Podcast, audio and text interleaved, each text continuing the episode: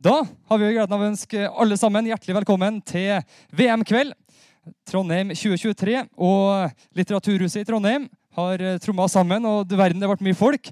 Vi, eh, hvis vi klarer å fylle torget på samme måte i 2023 når vi skal ha premieutdeling for, eh, etter ski-VM, da skal vi være godt fornøyd. I kveld har vi med oss en rekke spennende foredragsholdere og eksperter innenfor sitt område. Først og fremst skal vi høre Tor Gåtås, forfatteren og skihistorikeren prate om eh, historien til VM på ski. Etter det så skal vi også høre litt om hvordan Trondheim jobber for å få VM på ski til byen i 2023. Når vi har hatt en liten pause og, og mingla litt, så skal vi ta enda mer fatt på det faglige. Vi skal snakke om hoppsport. Gaute Myhre skal dra oss eh, gjennom eh, hoppsportens historie i Trøndelag, med fokus på det som har skjedd rundt Trondheim.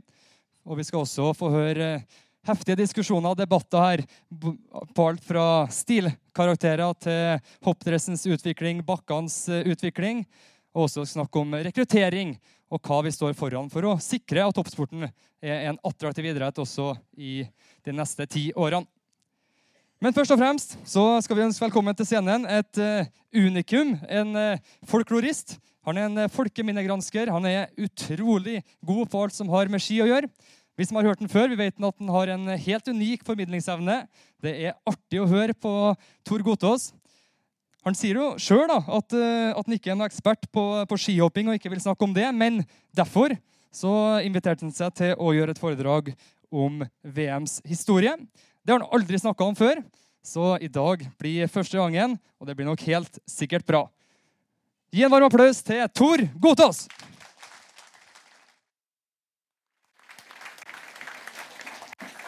Skal, da kommer bilden, Kommer det bilden opp der? Åssen får jeg Der, ja. Ja, jeg heter Tor Gottaas. Er lyden grei, eller? Ja, Født 1965, og jeg er vokst opp i Brumunddal. Navnet er fra Skogn, eller oppi der. Men eh, bestefar flytta til Bodø. Og jeg skal prate om ski-VMs historie i dag. Jeg har eh, jeg har eh, en halvtime, tror jeg. Og, og, vi vet at Det første ski-VM var i 1925 i Johannisbad i Tsjekkia. Det var to nordmenn som var med.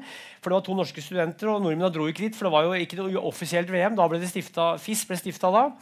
Og, eh, og, og, det var jo ikke noe særlig VM i idretten da, bortsett fra skøyter. Men du hadde altså da langrenn som fikk da et FIS-renn, ble det kalt. Og det het VM fra 1937. To nordmenn med i det første rennet. Ikke noe særlig konkurranse. Og, og her har vi da, Det andre var i 26 Hva faen? Ser du? Ja, da faen så skjedde? Ja. Der, ja. Der, ja. I, det andre, 26, da bestemte Norge seg for å være med. Da var det i Finland, i Lahti. Og da vet jeg at I langrenn, som jeg kan mest om, der var det sånn at de norske løpere hadde eksperimentert med lange ski og lange staver på forhånd.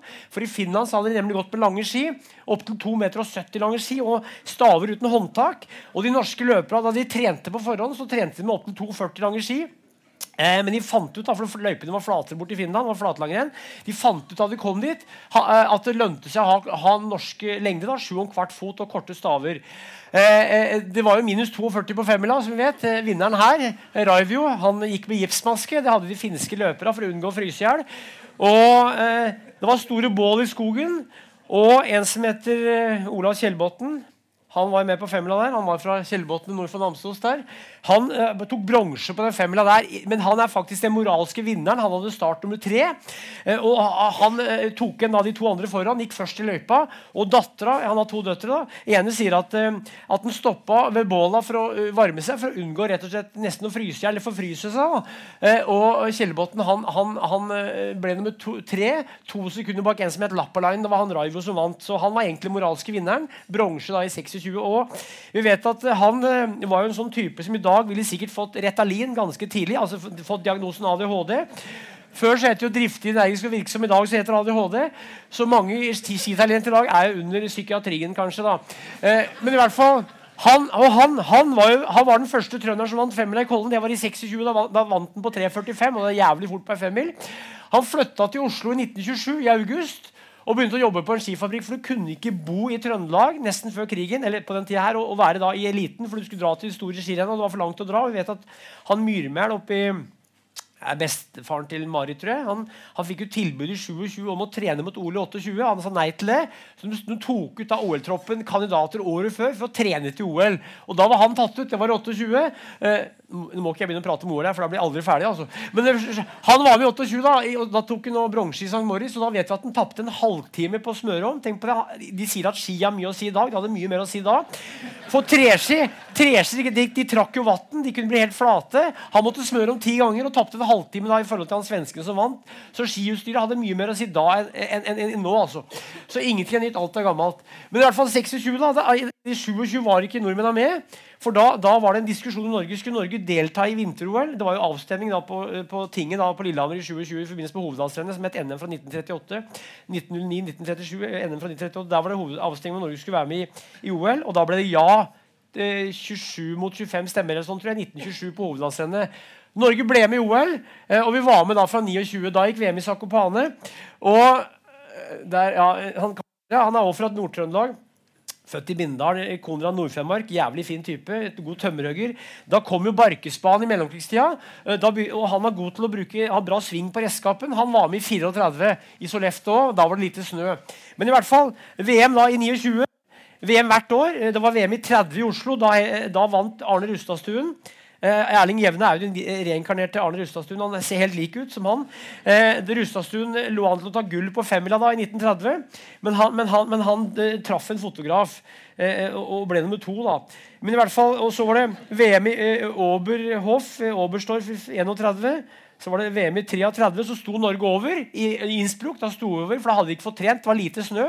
Og Grunnen til at de sto over i 25 og det at 25 da, var at i 25 var det lite snø på Østlandet. Da var femmila avlyst i Holmenkollen.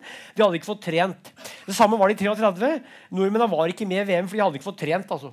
Eh, I 34 så var han med. da. Han var jo nummer tre på fem. Er det dårlig lyd? Ja.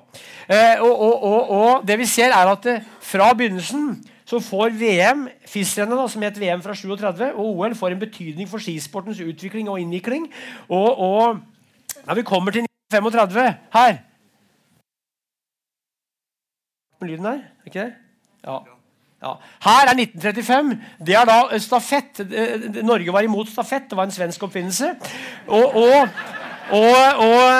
og her er da eh, veksling mellom Olaf Hofsbakken fra Snertingdalen og Oddbjørn Hagen fra Rendalen. Det her er de nye gabardindressene som kom da til VM i 1935. Det kom nye gabardindresser. Jeg snakka med en som brukte de dressene. her, Øystein Hayden. Han, han, var født 17. Eh, januar 1917 og døde i 2012. Han var kameraten med de kara her. Så det kom nye dresser da til VM i 1935. Akkurat som i dag så kommer det nye dresser. kommer nye dresser da også.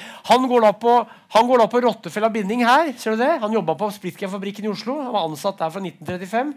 Og han går da på eh, jeg tror det er, jeg tror det er Matsus ski og lurer på om det er Matsus binding. Men i hvert fall, det kom nytt utstyr til VM, og her er stafetten. da, og da Sånn at det var en stafett, altså et lommetørkle du skulle gi til andre. Ja, I begynnelsen var det sånn tre stykker rundt uh, hersen og halsen. Og her var det da et lommetørkle med lyden. Uh, men i hvert fall, stafett kom i, i VM fra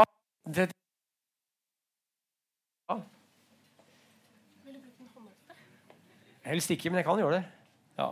Siden den faller så mye ut? Jeg gjør det. Ja.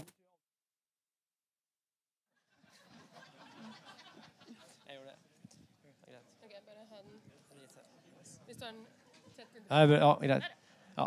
Eh, så her er da altså Ski-VM hadde noe å si for skisportens utvikling. Og, og hvis vi går til 1937, så fikk jo da Rindal, som senere ble etter krigen ble Rindal en del av Sør-Trøndelag skikrets, da fikk Rindal sin første verdensmester med Sigurd Røen i kombinert. Han var faktisk favoritt i 36 OL òg.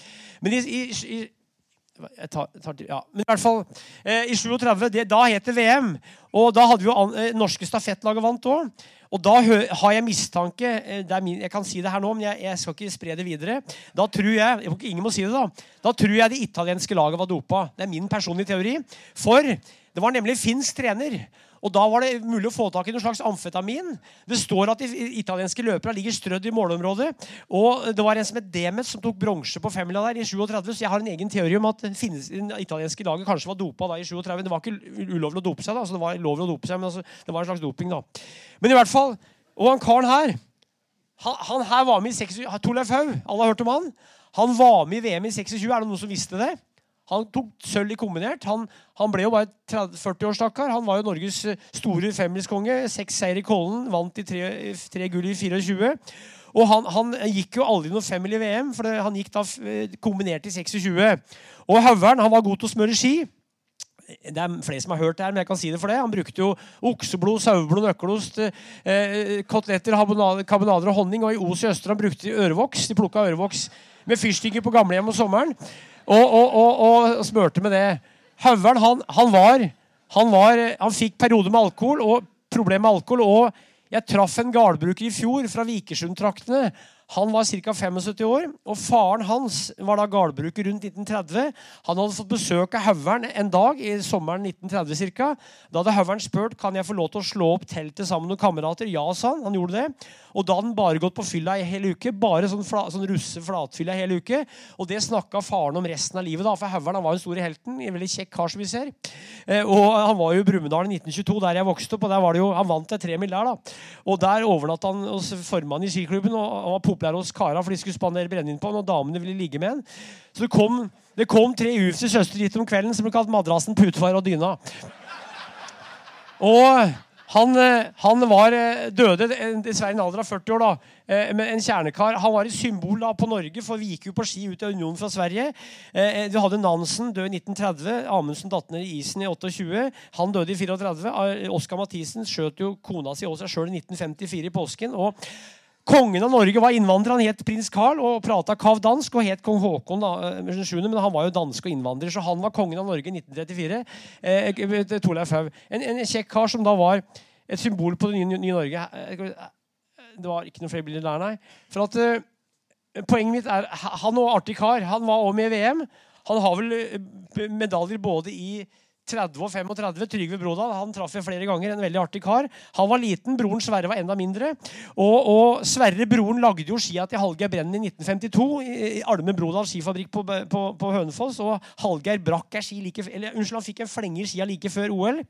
Så ringte, ringte han godeste Hallgeir til eh, Trygve Brodal da, og spurte om å få en ny ski? Nei, de hadde ikke stiv nok ski til Hallgeir. for han, han, brukte jo skia som trampoline. Han, han var jævlig spenstig.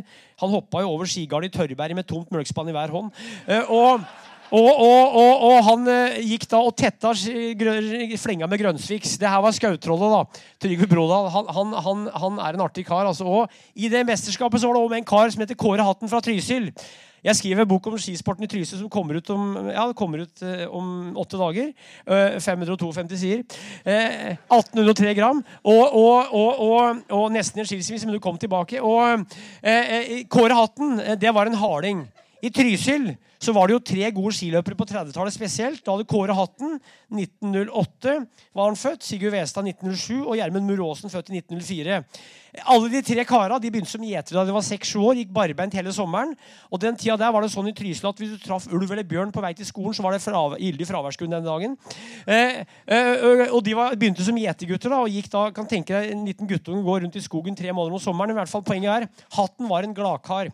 Han, kanskje, han og Muråsen var kanskje de mest velbygde av norske langrennsløpere. i hvert fall før krigen. Muskler lå som små tømmerstokker på sida på hatten. Han var 1,63 og veide 3-64 kilo og gliste hele tida. Og I 1932 så vant han femmila i Trysil. Det var en årlig femmil der som het Trysil 50. Han vant den, og da var han så klart dritings etterpå på lokalet der. På, på Solbakken etter. Han, han gikk på henda, hoppa fra bord til bord og landa på henda foran lensmannen. Så sa lensmannen jeg syns det lukter hjemmebrent. Da har jeg vel fise, da, sa hatten. Og han ble da arrestert for hjembrenning og sendt til Karsotten på Hamar. Han satt der i fire dager. Han har aldri vært i ro i fire dager, for han var jo sånn aktiv type. da. Ble henta av Muråsen og Westad. De dro opp til Gråkallen her, og så vant han dobbelt i NM da, i hovedlandsrennet av Kåre Hatten eh, i 1932. Han var med i VM, da. Kanskje her, ja. Eh, og eh, vi kan si det at eh, VM i 1938 i Finland det var et dårlig mesterskap for Norge. Eh, da, da smørte norske løpere seg bort. Det var flere som var sjuke. På femmila da så vant du Kalle Jalkan, den legendariske finske løperen. Han spiste tolv rå egg rett før start og mente at det var grunnen til at han vant. da. Eh, og, og, og eh, det, var, det, var da, det, var, da, det gikk ganske dårlig. altså For Norge hadde problem i Finland. For vi vet at der var spora altså løypene var, altså Spora var bredere, hvis du skjønner. For i Finland så var det flatere løyper. da, Og sporet, det var lengre avstand mellom spora.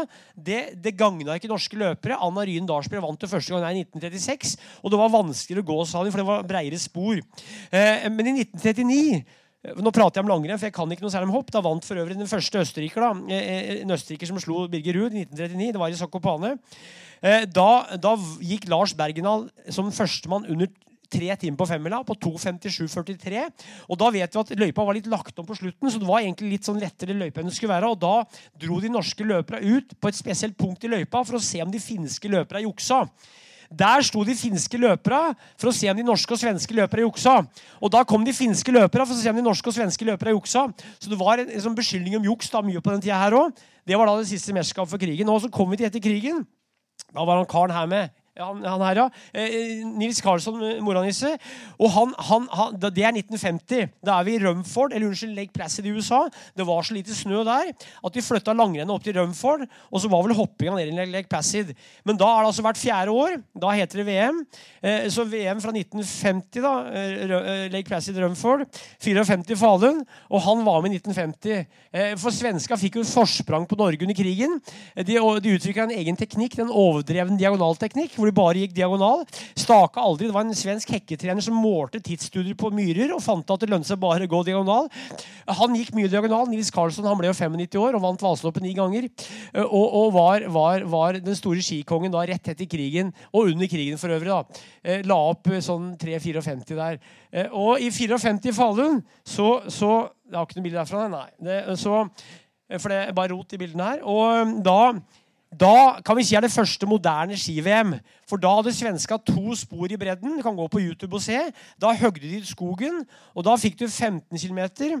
Eh, og du fikk eh, det her klassisk, Da var det slutt på 18 km, og da, da var russerne med. Eller sovjetere, da. Og da kom kvinnfolka med i VM.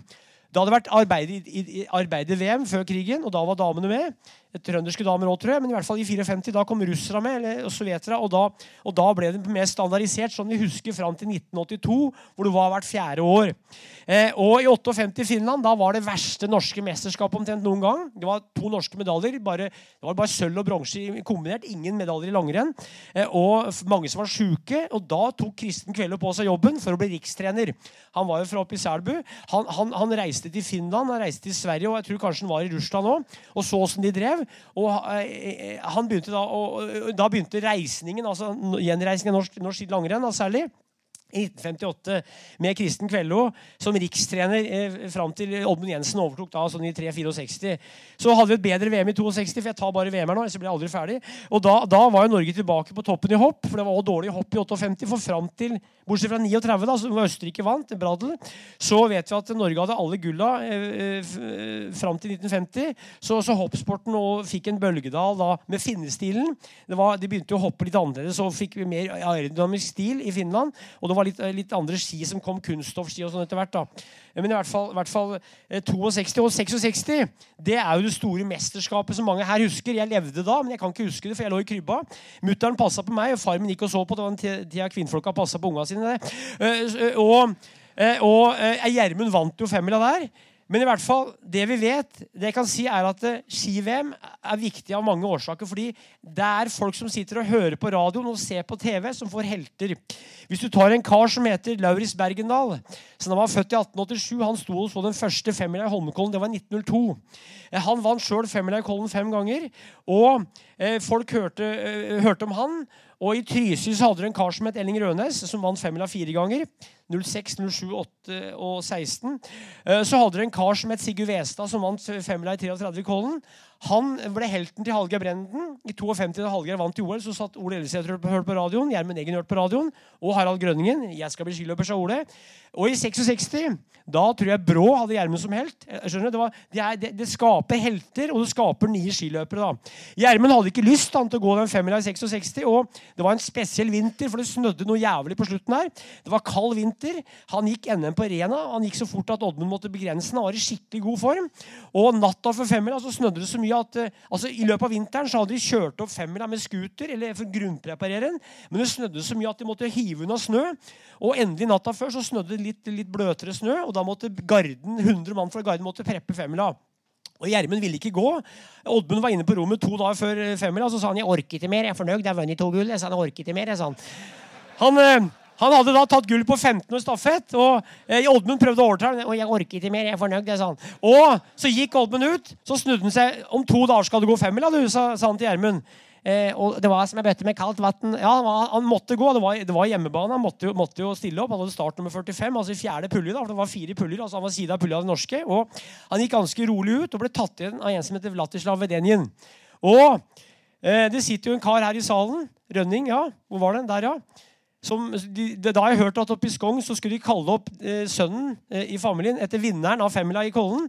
Han lå an til å hete Vlatislav Rønning, men han ble hetende Gjermund Rønning. Eh, men poenget var at da Gjermund passerte halvveis, så begynte han å kvikne til.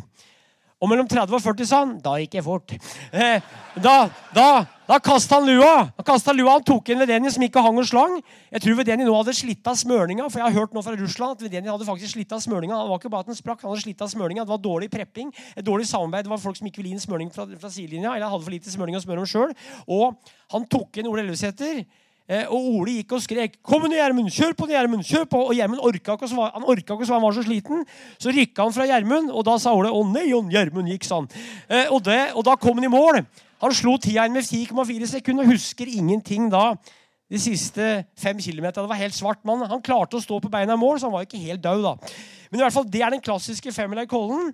Og det er det der bildet, bildet vi har sett alle. Kommer ikke Jarle altså, Høysæter, da? Det legendariske bildet fra Holmenkollen i 660. Det er et sånn udødelig øyeblikk da. fra ski-VM. da, og Gjermund har levd på det etter det.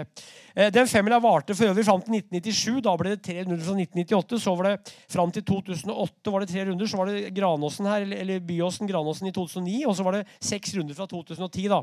Så nå er femmila litt annerledes. Men verden forandrer seg. Alt forandrer seg. Men i hvert fall VM, da. Eh, da I 66 så vant jo Wirkola, som vi vet. Det var så mye, mye tåke da at de, de, sendte opp et fly som skulle sende ut sånne eh, kunstig snø. Så hagla det sånne klyser av is. Eh, men i hvert fall, det var, det var sånn provisorisk. da, for å få, ja.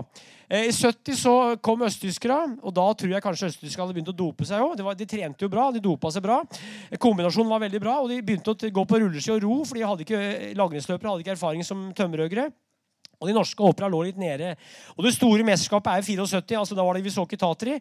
74 i Falun. Da husker jo alle at vi er, Magne Myrmo vant som den siste norske eller verdensmester på treski. Og Det var 50-kilometeren. Og på tremila der så stilte jo han godeste Magnussen opp på glassfiberski. Kneisel og vant. Og det var vel Mito som var den moralske vinneren. Han gikk på to 20 lange Jervenen-ski. Treski. Han veide jo 107 kilo, eller noe sånt. Eh, I hvert fall hvis han veide den før middagen, eller etter middagen. Og, og, eh, og Myrmo valgte å stille på Landsheim og vant da som den siste på treski. Han slo vel Gerhard Grimmer med 89 hundredeler. Det var i 74, så det skjedde noe der. 78 jeg tror jeg Norge bare tok én medalje. Det var stafetten for herrer. Eh, bronse. Elendig mesterskap, men så i, nok en gang, som i 1966, så mobiliseres det kraftig mot et nytt VM på hjemmebane. Og dundrende suksess i 1982 med Berit Aunli og Oddvar Brå og alt det her som vi vet om. Så eh, ski-VM har en veldig sånn revitaliserende effekt på langrennssporten eller skisporten. Da, for det er hopping også. Og da har jeg, I boka mi så skriver jeg det at i 1982 så var det et sånn nytt system for å måle lengder i skihopping som het Robotron. Det var østtysk, tror jeg. Og det de mener, de som har greie på det, de som har må... Prater jeg for fort? Jeg gjør kanskje ikke det. Nei. Nei prøver, jeg prøver å prate sakte. Eh, I 1982 så var det et nytt system. da. Og da sier jeg at Olav Hansson fra Norge tapte gullet på det, for han hoppa lenger enn det eh, systemet sa. Så det, Da vant jo Nyken sitt første gull. Han ble jo skikonge etter hvert. Men i hvert fall Hansson tapte kanskje et gull altså tenk på det, på grunn av at det var eh, sånn automatisk måling da det var i startfasen. da. Måldommerne som sto der, sier at det var feil måling. Eh, Norge fikk enorm suksess, og fra 85 så er det annethvert år VM. Eh, Seefeld, Jeg var der sjøl, husker jeg. Jeg satt på et hotell eller en herbergen i Berlin. Så så jeg på TV. Så tenkte jeg faen, jeg må dra på ski-VM. Så jeg haika ned til, eh, til, Østerrike, og så bodde jeg i en barnehage. Jeg sov under et tak der. da. Husker Første jeg så den morgenen, det var Magna Lundemo som drev og prøvde ski. Og Så så jeg Rolf Hovden, han var dritings, og Bjørge Lien, han var enda fullere. Jeg tenkte, jeg, Nå er jeg på rette plassen. Så traff jeg tre brumunddøler, og alle var skikkelig fulle, de òg. Det var liksom ski-VM i 85. da. Eh, og da, da har vi jo skøyterevolusjonen. Eh, den skjedde jo samtidig i skiskytingåret der. så skøyterevolusjonen. Det var da Brusveen kommenterte. og han, var vel, han trodde han ikke var på sending, så sa han det oppi en bakke der. At aldri har så mye kvinnfolk skrevet så mye og fått av så lite for det. sånn. Det kom på sending, tror jeg. Det var i 85, da. 87, 87 har vi da har vi da det med, her med flor. fluor. Hvis vi husker Vassberg på tremila der, og så husker vi da Disholt. Da kom vel der med Flor, tror jeg. Og så kom etter hvert Epon, da. Eh, og Dæhlin slo jo med 91, så da var det Valdi 5, Finland i 89 osv. Så, videre, så, videre. så er vi da fram til Trondheim, eh, Trondheim i 97, som en folkefest var. Eh, eh, hvordan det sikkert har virka revitaliserende. F.eks. på Peter Northug, som var eh, 11 år. Eh, eh, det er sånn at De heltene som skapes i dag, eller de som er da 10-12 år i dag, kanskje får, hel får, helter, og så blir de gode da kanskje om 10-20-25 år. eller 10-20 år, Så, så det, er, det, er, viktig å ha sånn, for, for, at sporten skal overleve, så er det viktig å ha sånne mesterskap. Men ja, da, eh, så har du jo VM i, VM, i, VM i 99. Det var jo da dopinga tror jeg var på det verste nede i Ramsau der, med EPO sånn. Østerrike spesielt. da. 2001 i Finland vet vi om. Dopingskandaler skjer ofte under VM. Og, så videre, og så videre. Og så kom vi da fram til 2011 i Oslo, som var et veldig vellykka mesterskap. Eh, på mange måter så Trondheim bør jo ha ski-VM, det er ikke noe tvil om det. Finland har hatt det sju ganger, tror jeg. Norge har hatt det fem, Sverige har hatt det fem. Så, så det, er, det, er, på tide at det kommer til Norge. Eh, så vidt jeg har skjønt, så har de andre en god søknad. Er det noen spørsmål? Jeg må ikke prate for lenge, for jeg, jeg, jeg prøver å unngå å bryte skjemaer. Spørsmål? Lenge har prata? Halvtime, eller? Ja. Nei, det vi kan si, er at, si er at uh, i dag har vi en annen medieverden nå. for hvis vi begynner i begynnelsen, så var det jo bare aviser. Så kom radioen på 30-tallet. Så kom TV-en i 66, eller i 60-åra. Det begynte jo mm, full sending i 1960. TV-bildet av Gjermund Eggen. Vi kan kritisere TV. Jeg gjør ikke det. Så kan vi si at det har svidd seg inn i den kollektive hukommelsen. har blitt av en del av den nasjonale bevisstheten. Og det med Brå i 82, det var ski-VM i Oslo. Og Northug da det var kanskje flere Northug-mesterskap og, for øvrig andre, andre løpere. og eh, Tom Ingebrigtsen i skihopping og sånn. Altså, det er et eller annet med at eh, De øyeblikkene der blir en del av den kollektive bevisstheten. Vi er jo, vi er jo nasjon nasjon som består av fem millioner innbyggere. Cirka. Det er ganske lite, omtrent som en bydel i Peking. Og, og, og, og, skisporten om ikke, I Norge er det sånn da, at om det ikke Spesielt, Det er langrenn jeg kan litt om. da. Hvis du, hvis du, de fleste har et forhold til skisport. Om ikke annet så hater de det. Eh, og, og, og, hvis du skjønner hva jeg mener, det, i hvert fall det er noe dritt, sier de. Men de har et forhold til Og de fleste har hatt lyst til i hvert fall eldre mannfolk å være gode skihoppere. Eh, damene likte jo skihoppere. De gikk i sånn stram trikot, og så hadde de sånn fin lue. Og sånn, ja. Og kara, gutta ville være som de. Så det er et eller annet med at eh, skiløpere er gode forbilder. Det er en klisjé å si det, men jeg sier det for det. For at, for at det er nok av forbilder som ikke er gode forbilder. Og, og det er noe med at, det er noe med at um, i langrenn da, som, så, så, Vi har en respekt i Norge for sliteren. Altså, I Norge skal du ofte slite for å bli en helt. Eh, og være noe annet enn bare, bare en sånn robot. Så, hvis, så det, er noe med at de, de, de, er, de er nasjonale helter på en måte som, som, er vanskelig å forutse at det skulle bli sånn. Men det bare blir det fordi skisporten har en spesiell bevissthet i nordmenns hjerte og hjerne. Og det er ikke sånn i mange land. Jeg har lest at uh, Norge er det, det landet i verden med flest skihoppere. Det var i hvert fall det før, men det er fortsatt det, tror jeg. Og desidert flest langrennsløpere hvis du tar i forhold til befolkningen. Men det er vel flere langrennsløpere i Russland, eh, for der bor det jo mye med flere, flere folk. Er det noen spørsmål eller kommentarer? Jeg har vært streng og holdt meg til ski-VM, for det er mye annet jeg kunne sagt. Altså, men jeg prøver å være disiplinert. Og Trøndelag har jo kunnet hatt et eget eh, nesten, Trøndelag har jo kunne vært en egen nasjon i flere ski-VM. Vi vet jo mye om det. Jeg skal ikke si noe om det, men de, de kom jo særlig etter krigen da, med Anders Estenstad i, i, som, som, skileder og Kristen Kvelde og Magna Lundemo. Så det har vært ressurssterke personer i Trøndelag, begge fylkene til sammen, som har, som har, har, har løfta fram skisporten, pluss ildsjelen. Og jeg tror det at Trøndelags fordel er at det er mye bygd. Det er jo by. Vi er en by nå. Det er, det er jo mange byer her òg. Flere byer. Men det er mye, mye, mye landsbygd, og skisporten står sterkt på landsbygda. Jeg, jeg, skal skrive en bok om Alva Brå nå. Det er neste boka. Den kommer ut om ca. et år. hvis jeg blir ferdig. Det tror jeg blir. Så, så, da, og da var jeg i Hølonda forrige uke. og det er jo, Jeg løp i Bløtmyra oppi der i to timer.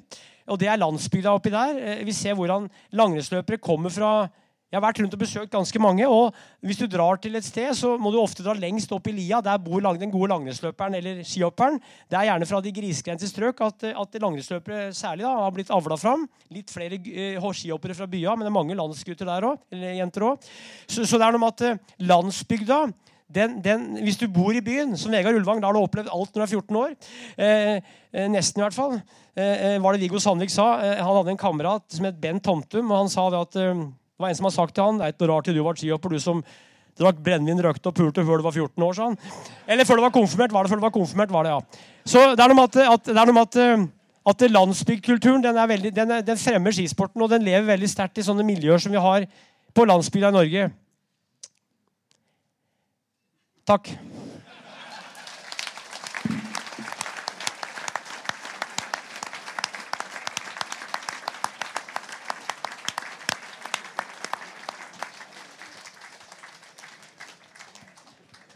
Det ble eh, akkurat så livlig som vi hadde eh, trodd på forhånd. Vi skal høre mer fra Tor Gotaas om eh, ikke så altfor lenge. Vi skal ha med oss i flere diskusjoner. Men nå skal vi også ta en rask titt på det som skal skje i mai.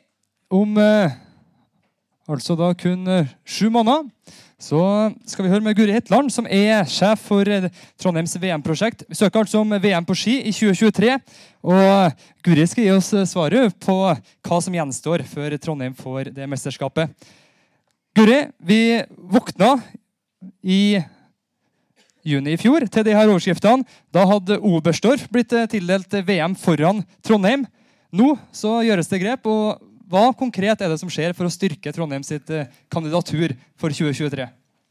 Ja, det skal jeg si litt om, men det første må jeg si at det, det var når vi sånn litt i ettertid, veldig bra at uh, Oberstdorf fikk VM i 2021. Det tror jeg vi kan være enige om. For skisporten så er det viktig å ha med mange nasjoner og ha Tyskland med og få opp den interessen der. Det er viktig. Og det som Thor sier nå, et VM på hjemmebane det får eh, utøverne, gjør utøverne inspirert. Og nå håper vi at uh, tyske utøvere blir inspirert av VM i 21, sånn at det blir enda tøffere konkurranse i 23. For da er det vi som vil ha VM. Og Søknaden den eh, står ganske mye likt som den gjorde fra før. Men hva, hva er det som spisses helt konkret i Trondheims budskap? Ja, vi fikk eh, bra tilbakemeldinger på, på, den første søknaden, så vi har ikke gjort om veldig mye. Men vi har eh, vært eh, enda tydeligere på den festen vi skal lage.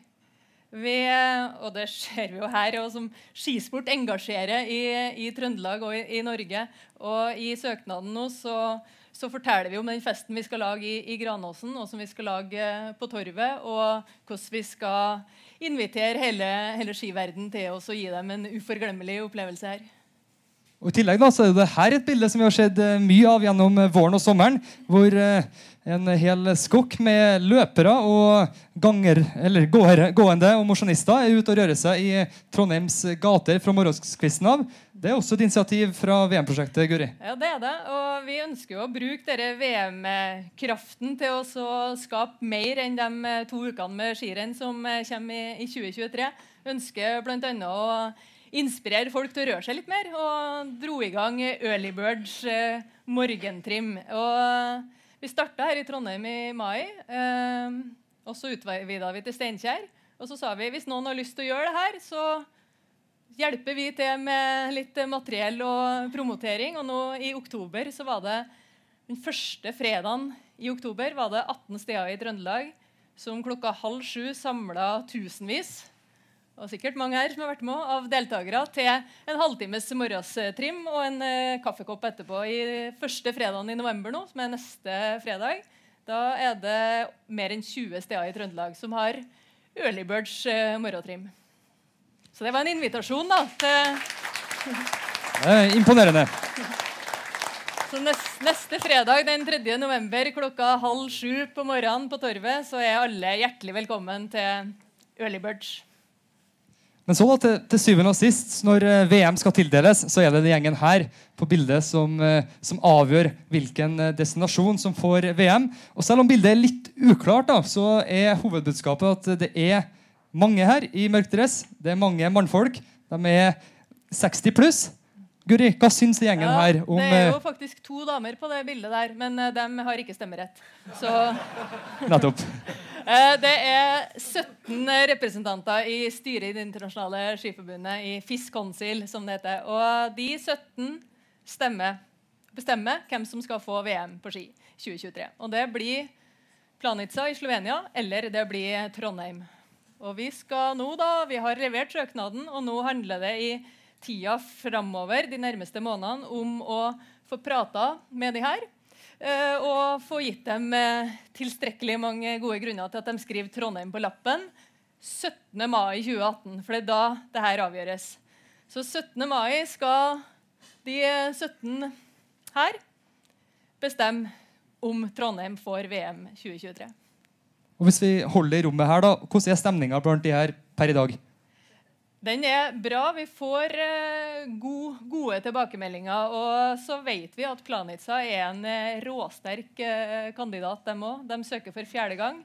en del av de her syns at det er viktig at små nasjoner, som Slovenia, en liten nasjon, òg får VM på ski. og så vet vi jo at det er mange som husker 97, som vet hva Norge står for som arrangør av store skiarrangement, og, og, som eh, nok vil stemme på oss. Så vårt argument er selvfølgelig festen vi skal lage. Det er at uh, VM i 21, eller 19 går i Seefeld i Østerrike. I 21 så går det i Oberstdorf i Tyskland. I 23 så må det være på tide å komme til Norden igjen.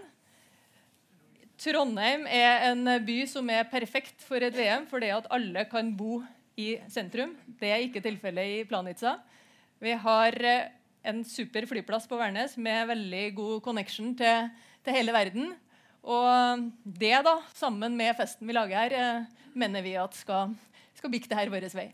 Gode muligheter, med andre ord. Men det er jo også sånn da, at det er flere anledninger til å se verdenseliten, og også til å kjenne litt på VM-stemninga i Trondheim. Allerede i mars så skjer det store ting i Granåsen. Det gjør det. 13., 14., 15. mars så er det verdenscup i hopp og kombinert i Granåsen. Og det er den siste og største anledningen vi har til å vise fram hva vi kan eh, by på i eh, arrangementssammenheng før den avstemninga i, i, mai. Så alle og alle dere kjenner, må møte opp i, i Granåsen da og vise, gi en forsmak på den VM-stemningen som vi skal lage i 2023. Det blir eh, viktig i, eh, i søknadssammenheng. Crow Klar tale fra Guri. Vi gir han applaus.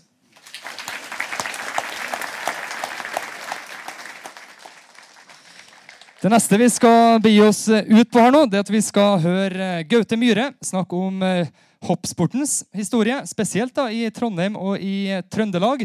Så skal vi også få inn Thor Tor og Steinar Bråten fra Olympiatoppen inn i et lite panel, hvor vi får litt eh, diskusjoner om utviklinga som har skjedd både på bakkestørrelser, på hvilket antrekk det hoppes i, og hvor, eh, hvilken spredning det har vært eh, på skien. Så hvis eh, Gaute her nå begynner å få mikrofonen opp og gå, så tror jeg vi bare drar i gang. Vi hadde egentlig tenkt å ha en liten pause, men med det lille rommet vi har, så tror jeg vi kjører rett på. Vær så god, Gaute Myhre.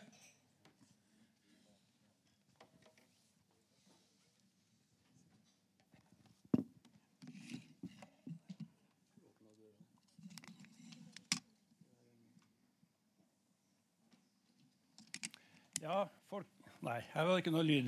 Nå er det lyd. Ja. Jeg skal snakke litt om historien bak. Og det er veldig viktig å ha med seg historien også. Og da starter jeg med å stille et spørsmål. Og hvis det er noen som kan svare på det her, så er de veldig gode. Men hva kommer det av at her i Trøndelag, Midt-Norge, så har vi tatt 90 VM- og OL-medaljer? like mye som Frankrike med 60 millioner innbyggere. Og den trøndereffekten som det har vært snakka om etter OL i Sotsji, så var det en amerikanske avisa som lurte på hvorfor. Og likedan eh, kan man spørre om hvorfor er Marit Bjørgen og Magnus Moan i familie eller slekt med hverandre. Handler det om miljø? Gener? Ja, hva handler det om? Det skal ikke jeg svare på. Jeg skal fortelle litt historie, så kanskje etterpå at det kan eh, eh Stille meg litt på sida. Jeg startet med folket her. Det var styret i Trondheim skiklubb som i 1884 stilte seg opp på denne måten og danna en av verdens eldste skiklubber. Vi kommer ikke utenom skiklubben. Og han karen i midten med den lyse jakka han dro jo til og med til Amerika og, og var, eh, viste seg frem og konkurrerte og starta det amerikanske skiforbund i 1904. Birkebeineren er jo trondhjemmer. Han er ikke lillehamring. bare så du vet det. Og I skiklubbens flagg så er jo birkebeineren i fokus. Birkebeinerne var jo dyktige skiløpere. Så går det i linje fra birkebeinerne og frem til en, uh, Peter Northug og Marit Bjørgen. Man kan jo spørre, stille spørsmål, iallfall. Den første store hoppbakken i Trondheim det var i Blyberget vis-à-vis Folkemuseet på Sverresborg. Og i, Der starta de da med hoppkonkurranser så tidlig som i 1884. Og i et eh, premieskirenn, et landsrenn der i 1892, så fikk vi vinner av den første kongebokalen til Trondheim. Han hoppa 30 meter, han Gustav By, Trondheims første skikonge. Og Hovedstadspressen de trodde jo ikke det her var sant. Det gikk ikke an å hoppe 30 meter. Men det gjorde han. Og han ble jo da, som sagt, da han ble benevnt som røveren. Og han var den største skihopperen i den tida. Han var også i USA noen år og, og konkurrerte før han kom tilbake til Trondheim. Han har jo fått det, det som han kan få av lokale hedersbevisninger, i hvert fall. Gråkan-medalje og ja. Og her på den Gråkan-medaljen som er nevnt, så er også Birkebeineren med. Første skirennene var jo i eh, Blyberget, men den gangen også så hadde man grønne vintre. Og Så måtte man lenger opp i marka, så kom man opp til Gråkan, og der ble det da bygd skibakker. Her er fra eh, skirenn i Nordenda, der hvor skiklubben nå har planer om en eh, alpinbakke for ungdommene. Hvis politikerne vil. Og det ble bygd mange hopp da, rundt eh, Gråkallkuppelen. Skankebakken er en av dem. Hoppet står igjen, men bakken er jo da bort for lengst. da. Det var jo kombinert som den eldste skidisiplinen. Det var å hoppe, og så var de i rundløype og i mål. Så ble det spesialisert etter hvert. da. Og Her er det til og med parhopp. De uh, viser seg frem på alle mulige måter den gangen også. Og når vi tenker på det skiutstyret de hadde den gangen De hadde bare vanlige sånn Huitfeldt-bindinger. Sånn, du husker lærbindingene som du stramma bak uh, skoen. Så var det prestasjoner, etter min oppfatning, å sette utfor disse bakkene her. Men Gråkallbakken og Gråkallrennet ble jo da en realitet. Det ble Etter Holmenkollen så ble det landets største uh, skirenn. Og her kom det da løpere fra, ikke bare fra Norge, men også fra utlandet, spesielt Sverige. Og det var mye folk som var samla oppå her. Det var Kongen var her første gang i 1907. Han står på denne elegante tribunen her. Og var her flere ganger, faktisk. Og de guttene her da, uten hjelm og med slips, det var jo den datidens ekstrem, ekstremsportutøvere. Det var tøffe karer som eh, nærmest med livet som innsats satt utfor eh, bakken. Den første Gråkallbakken var en naturbakke. Det var bare hoppet som var bygd opp. Så de fulgte jo terrenget. Og det var jo ei grense opp der de skulle starte fra. Men det, klart, det, det var jo skrevet et par meter lenger opp. Det gjorde de kanskje. Juksa litt, men sånn var det kanskje den gangen. Så har jeg noen fine hopp. så Hvis det er noen hoppdommere her i salen, eller noen hoppere, så kan du jo, kan du hjelpe meg å gi stilbedømming da, på de karene som kommer ut i lufta her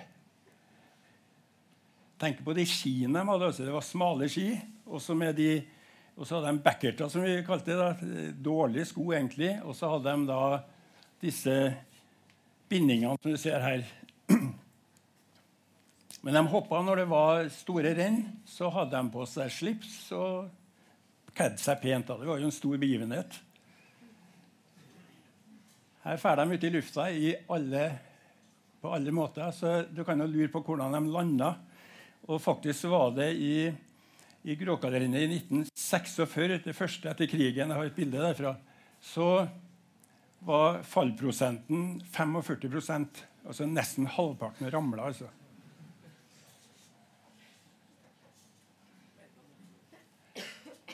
Det var tøffe karer, det her, da. Steinar, har du torsa det her? Nei. Så det her er kanskje litt Kongsberg-knekk.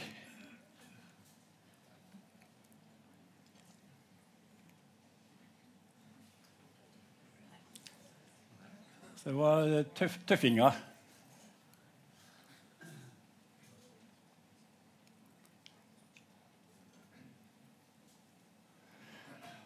Og det her var jo før bilene var vanlige. Det var kanskje ikke biler i hele tatt. Da kjørte jeg med hest og slede opp. og Da kunne det stå opptil 400 eh, hester ute på sadelplassen på, på, Myra.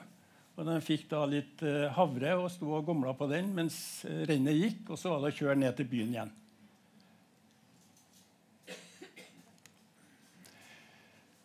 Så det stilte, jeg stilte et spørsmål det første. Hva er årsaken til at vi har så mye gode skiløpere? Ikke bare hoppere, selvfølgelig, kanskje enda mer langrennsløpere i vår landsdel. Kan dette være en av årsakene? Og hva er det her? Jo, det er faktisk det som ble registrert her for noen år siden. Alle hoppbakkene som var i Trondheim og omegn. 131, ikke det? 133, ja. Tenk dere det. Det var hoppbakker overalt. I dag er det bare Granåsen igjen. Byåsbakken kanskje, overlever kanskje, men ellers er det smått med skibakker da, i, i, Trondheim og omegn. Og det er mye artige navn òg. Blodfallet og, og Opphenget og ja, Mye artige navn, da. Men det, disse ble jo da etter hvert nedlagt. da. I 1907 det var en stor gråkalldag, for da var jo kongen på besøk. Det var fint vær, 4-5 grader. 10 000 mennesker ute på myra. Og i, på det tidspunktet så var det jo var det ikke mer enn 30 000 innbyggere i Trondheim, tror jeg. Og kvart over ett, da, det med kongefamilien er jo alltid eh, presis. Da kom kongen til bakken og opp på tribunen. Og da heier de seg ut i lufta. da. Jeg må også nevne, som Thor vet, at vi har hatt både femmil og tremil i Bymarka. Det står ikke i boka di. Men de hadde også femmila, og den gikk i ei lang løype. Så når de gikk ut, da, så sto de og venta noen timer, så kom de i mål. da. Det var ei lang løype. altså. Og jeg tenker på den stakkaren som gikk først. Det var ikke noen tråkkemaskiner sånt den gangen. da. Men eh, eh, i 1918 så var de kommet så langt at de hadde en lege til stede. og Han hadde da undersøkt samtlige, og han fant ikke å utsette noe særlig ved kondisjon hos noen. Så alle sammen fikk lov å starte. Og det var matstasjoner. Tok de seg gjerne god tid. Fikk det kruset her og så smatta på det og hvilte seg litt. Før de da dro av gårde videre. I 1918 så var det 225 som, tok, eh, som var med i langrennet. Og her er Torleif Haug, Tor, og en, eh, og en uh, Tullin Tams fra Kristiania eller Oslo. Da spurte du med gummislangen. Gjorde han det? Ok. Ja. Da det var gråkaleren, så var det jo stor stemning. Det var et folkeliv. Bussene hadde begynt å komme etter hvert, og det var, det var kaos. Men det skal det jo være på sånne idrettsarrangement. Og, og, men eh, kom jo inn i ordnede forhold med lava-program og det hele. Og de karene her som det går for at noen kjenner igjen da, Du har en Torbjørn Falkanger til venstre. Så har du en Birger Ruud og en Arnfinn Bergman. Og så ja, jeg husker ikke, Men det er Kongsberg-hopperne som alle sammen deltok oppi Gråkallen. Og en Birger Ruud han eh, var jo lenge etter at han slutta, så hadde han jo, var han jo rundt og inspirert ungdommene. Og han var jo med også bygde opp et skimuseum på Kongsberg. Oppe i Gråkan fikk man også etter hvert tribuner. Og her er det fredsrennet, som vi kaller det. 1946 så var det nærmere 30 000 mennesker oppå der. Da var det 56 000 mennesker i Trondheim. Så da kom de ikke bare fra byen, selvfølgelig. De kom jo fra distriktet også. 488 hopp eh, og 303 stående. Så det var stor fallprosent. Altså. I dag er, det jo sjelden at vi ser et fall i en hoppbakke. Veldig sjelden. Så det er klart det har skjedd noe med ikke bare hopperne, men med utstyr og bakker og det hele. da. Men eh, Gråkallbakken blir jo etter hvert nedlagt. Den holdt ikke mål. Så må man ut og finne seg et annet Ja, må ta med disse guttehopperne. Det var, det var en åtte-ni hoppbakker oppe i Gråkallen. Her er Skistubakken. Og det er klart det er han her som var framtida i det lille Gråkallrenn som var et stort renn. Der det kunne være med 1000 hoppere. Jeg tror ikke det finnes så mange hoppere i Norge i dag. Gjør det, Steinar? Vet du det? Hvor mange det finnes totalt? Det jaggu meg ikke. Ja. Og så kom jentene. De fikk ikke hoppe i Holmenkollen. De ville ikke dra uh, kvinnelik ut av bakken, som det ble sagt. Men uh, de kom til Gråkallen, så fikk de lov å være med og hoppe. Og det har jo vist seg at de er jo like bra egna som guttene til å hoppe på ski. Og hun, Johanne Kolstad hun var jo, her hoppa 39 meter i Gråkan. Hun var jo også i USA i mange år. Hun ble litt dårlig behandla da hun kom hjem, av det, men uh, hun hadde jo en karriere i USA. da, Oppvisning. Så hun ble jo på en måte proff. hun da. Gråkan skifestival som jeg nevnte, det var det lille Gråkalrennet som egentlig var et stort renn. da. Og Gråkallbakken er bort, så ble det en fristallbakke der som man ikke får lov å rive. Tribunen og den brakka nedpå pga. at det er tippemidler inne i bildet. Det er bedre at det står og råtner. Det er ikke lov å rive det. Sånn er det. Så hadde man en bakke ved siden av som het Vintervannsbakken, som egentlig var en bakke som skikretsen disponerte, eller eide da. Så fant man ut da i, i 57 at man må gjøre noe med den bakken. Og så bygde man da den nye Gråkallbakken. Den sto ferdig da til skiklubbens 75-årsjubileum i 59 og ble en veldig moderne bakke. Det var en Heinrich Klopfer fra Østerrike som var ingeniør, som tegna bakken. Eh, den fikk et dårlig ry på seg, også, for det var hopperne likte å hoppe der, men det var mye vind fra sida. Nå er det jo skogen vokste til, og i dag hopper de jo på en helt annen måte. Så vind betyr ikke det samme. da. Men i 59 så var det åpningsrennet i bakken. Per Sannerud han var fra Selsbakk. Jeg må vise frem, ja, Kongen, Kong Olav har jo aldri hoppa han har jo hoppa på ski, men aldri her i, i Gråkan eller i Trondheim. Men han har jo vært på flere renn. da. Her er kongen og Bergs, uh, hva heter noen Harald og Torbjørn Falkanger oppe i Granåsen. Må hjelpe meg nå. Det er uh, Ja, det er en Torbjørn, selvfølgelig. Han eh, hoppa jo med armene sånn. Og så har vi en Arnfinn, da, som ble olympisk mester i 52. Så har vi en Toralf på gullstolen. Der har vi en Toralf i et fint svev. Man kan jo diskutere det med V-stil og ikke, da, men jeg syns de hoppa pent den gangen. Da. Og der har vi en uh, Torgeir Brandtzæg. Og en uh, Sverre Stalvik, ja. Riktig. Det er bra supportere her. Og så Jeg står sånn galt til. vet du, Det er, en, en bjørn, ja, selvfølgelig. De hoppa jo fint, de guttene der. må jo si det. Og så fikk vi en Tommy da, som uh, ble dobbel verdensmester både som junior og som senior. Fantastisk. Dette er også et litt artig bilde. da. Du har jo en Toralf til, til, høyre, og så har du en uh, Rokkanes til fornavnet. Og så ser du han til venstre. da. Nils Arne Eggen han var jo en habil kombinertløper. Og det her er tatt i Gråkan i 58. Det bildet der er med i boka di. Ja. Og så litt sånn eh, bakkerekorder. Det er klart, eh, det første rennet opp i Gråkan så hoppa han 24 meter. da. Og så endte de opp på Anders Voldseth 75,5 i 59. Så sto den lenge i mange år, helt til Eh, han, eh, Jan Henrik Trøen var med på det siste Gråkallrennet i 85, før bakken ble revet. da, og Da la han på én meter. altså Siste bakkerekorden ble 76,5. Det var ikke noe stor bakke, selvfølgelig, men, men, eh, det var en bakke som de, jeg tror de likte den. da. Vi skulle arrangere VM på ski 84 for juniorer. Og da hadde vi noen folk fra Skiforbundet som skulle vurdere om vi kunne bruke bakken. da. Men dessverre så ble den refusert, så det ble hopprenn i i Granåsen i stedet. Så da begynte jo interessen for bakken og fikk et dårlig ry på seg. Så ble det etter hvert at bakken da ble rett og slett revet. Men litt sånn symbolikk i det her bakken, materialet Det ble kjørt ned i Granåsen. En god del av det materialet som var her, det ble brukt av den nye hoppbakken i Granåsen. Og I dag så er det bare ei glenne i skogen da, som er minne om Gråkallbakken. Det er historie.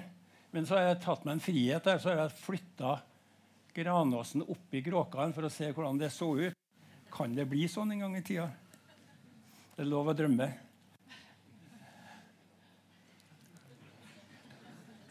Det ser jo litt tøft ut, da.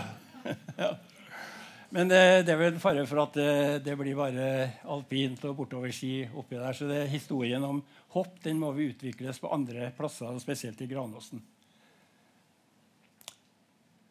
Og så stiller jeg spørsmålet, eller jeg prøver å svare. da. Det ga vel ikke noe svar der. Hvorfor er det så mye trøndere som er så gode på ski? Ikke bare i hopp, men i langrenn? Jeg vil ikke gi svaret. Takk for oppmerksomheten.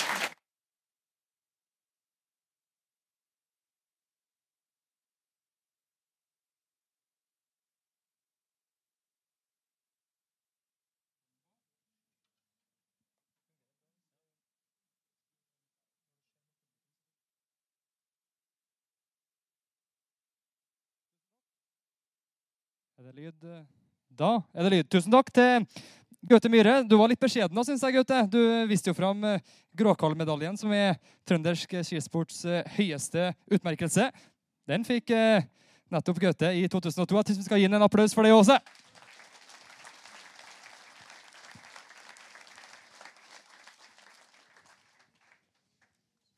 Og Så skal vi få med oss en ny mann opp på scenen her nå. Steinar Bråten. Han er nestleder i Olympiatoppen i Midt-Norge og er teknikkansvarlig også i Olympiatoppen.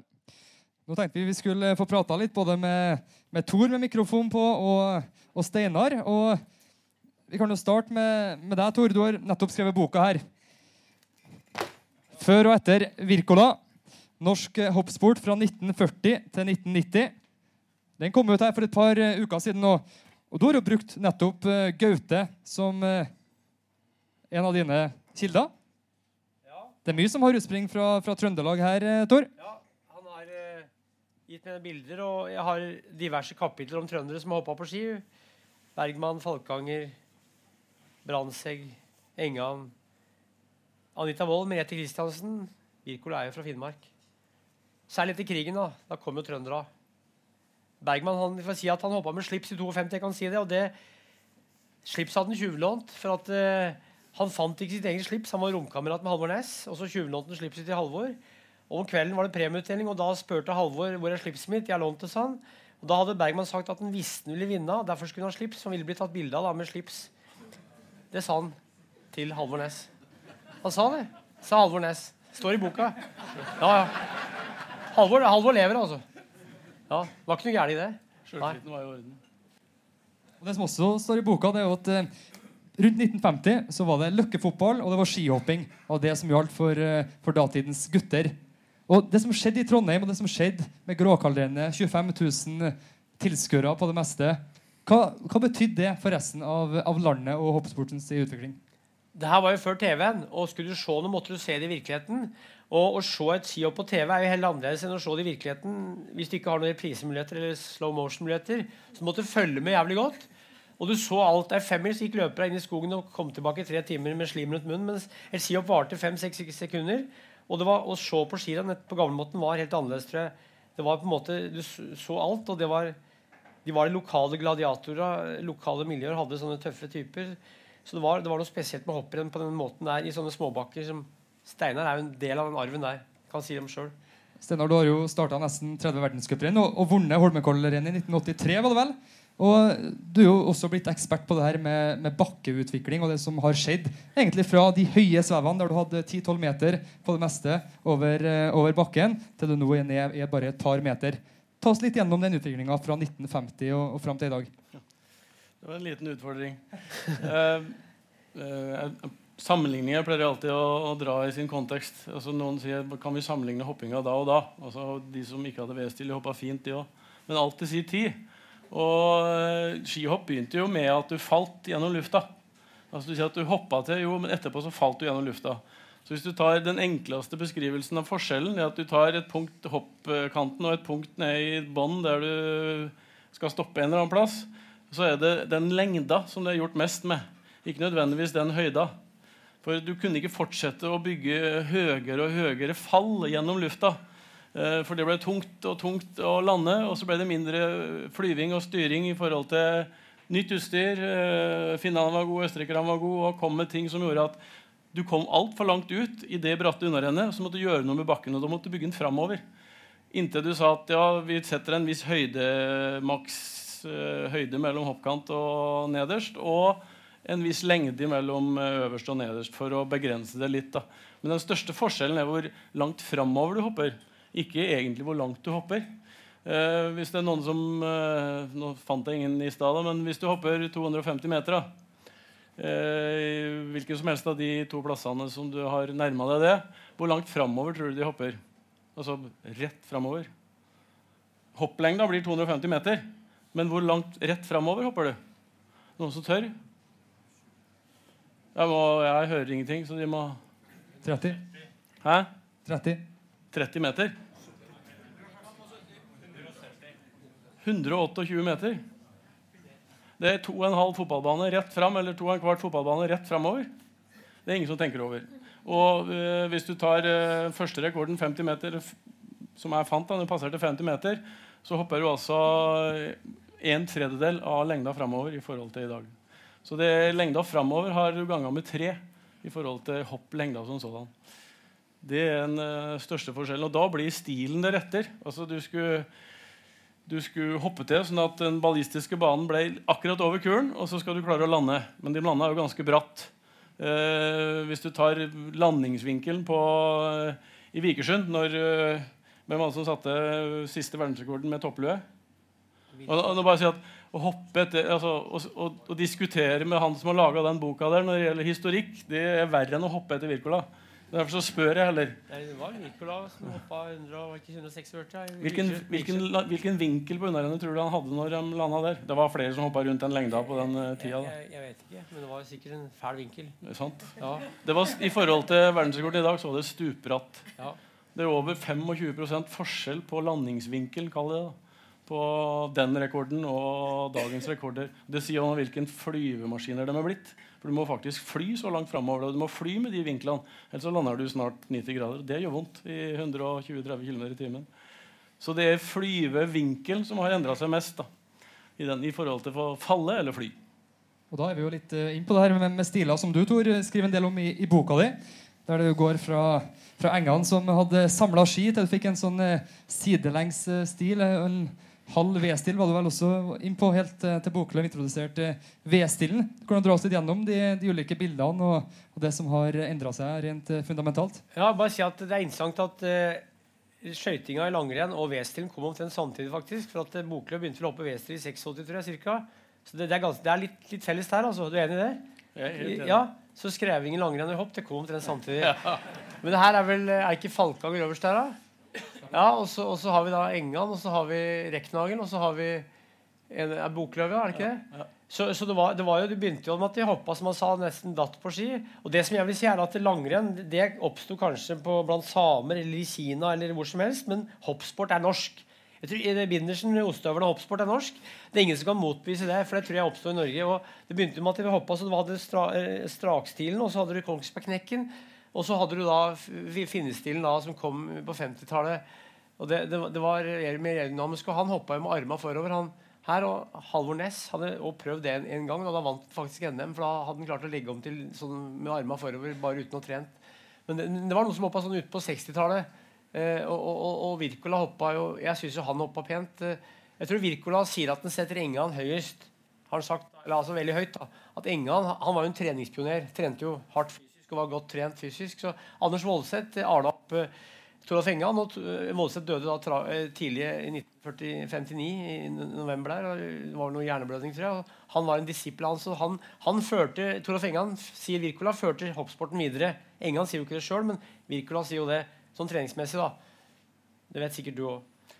Eh, Det er litt før min eh, Før jeg begynte å studere, i hvert fall. Ja. Men jeg har hørt den, og jeg har sett treningsmetodene som Toralf innførte. Det var det meget få som overlevde. Ja. Eh, han hoppa hekkehopp og trappehopp på Ja. Lerkendal. Ja. Og de fleste holdt på å knekke leggene, for de skulle hoppe like mange trinn av gangen. Så de var ekstreme.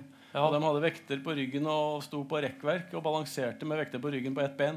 Ned og opp igjen, og det var flere kne som røyk. Så han var, han var ekstrem i treningsmetodene og var i hvert fall mye mye sterkere enn eh, de i dag. Men de i dag er litt raskere. da, for Lettere og raskere. Men han var ekstremt godt trent og, og sterk. Relativt veldig sterk. Wirkola sier at det var han som da lærte han å trene sånn. og de Det, var Østerrike i, her i Trondheim også, og studerte de. Han, han eh, var vel her. Ja, både primel og studerte hvordan de trente da midt på 60-tallet. Han som var med der, og, og flere. Så, så, så, Engan er en viktig pioner. Han, han, han, han, han kasta gjerne opp for å hoppe av, var jo nervøs. Eh, konkurransenervøs.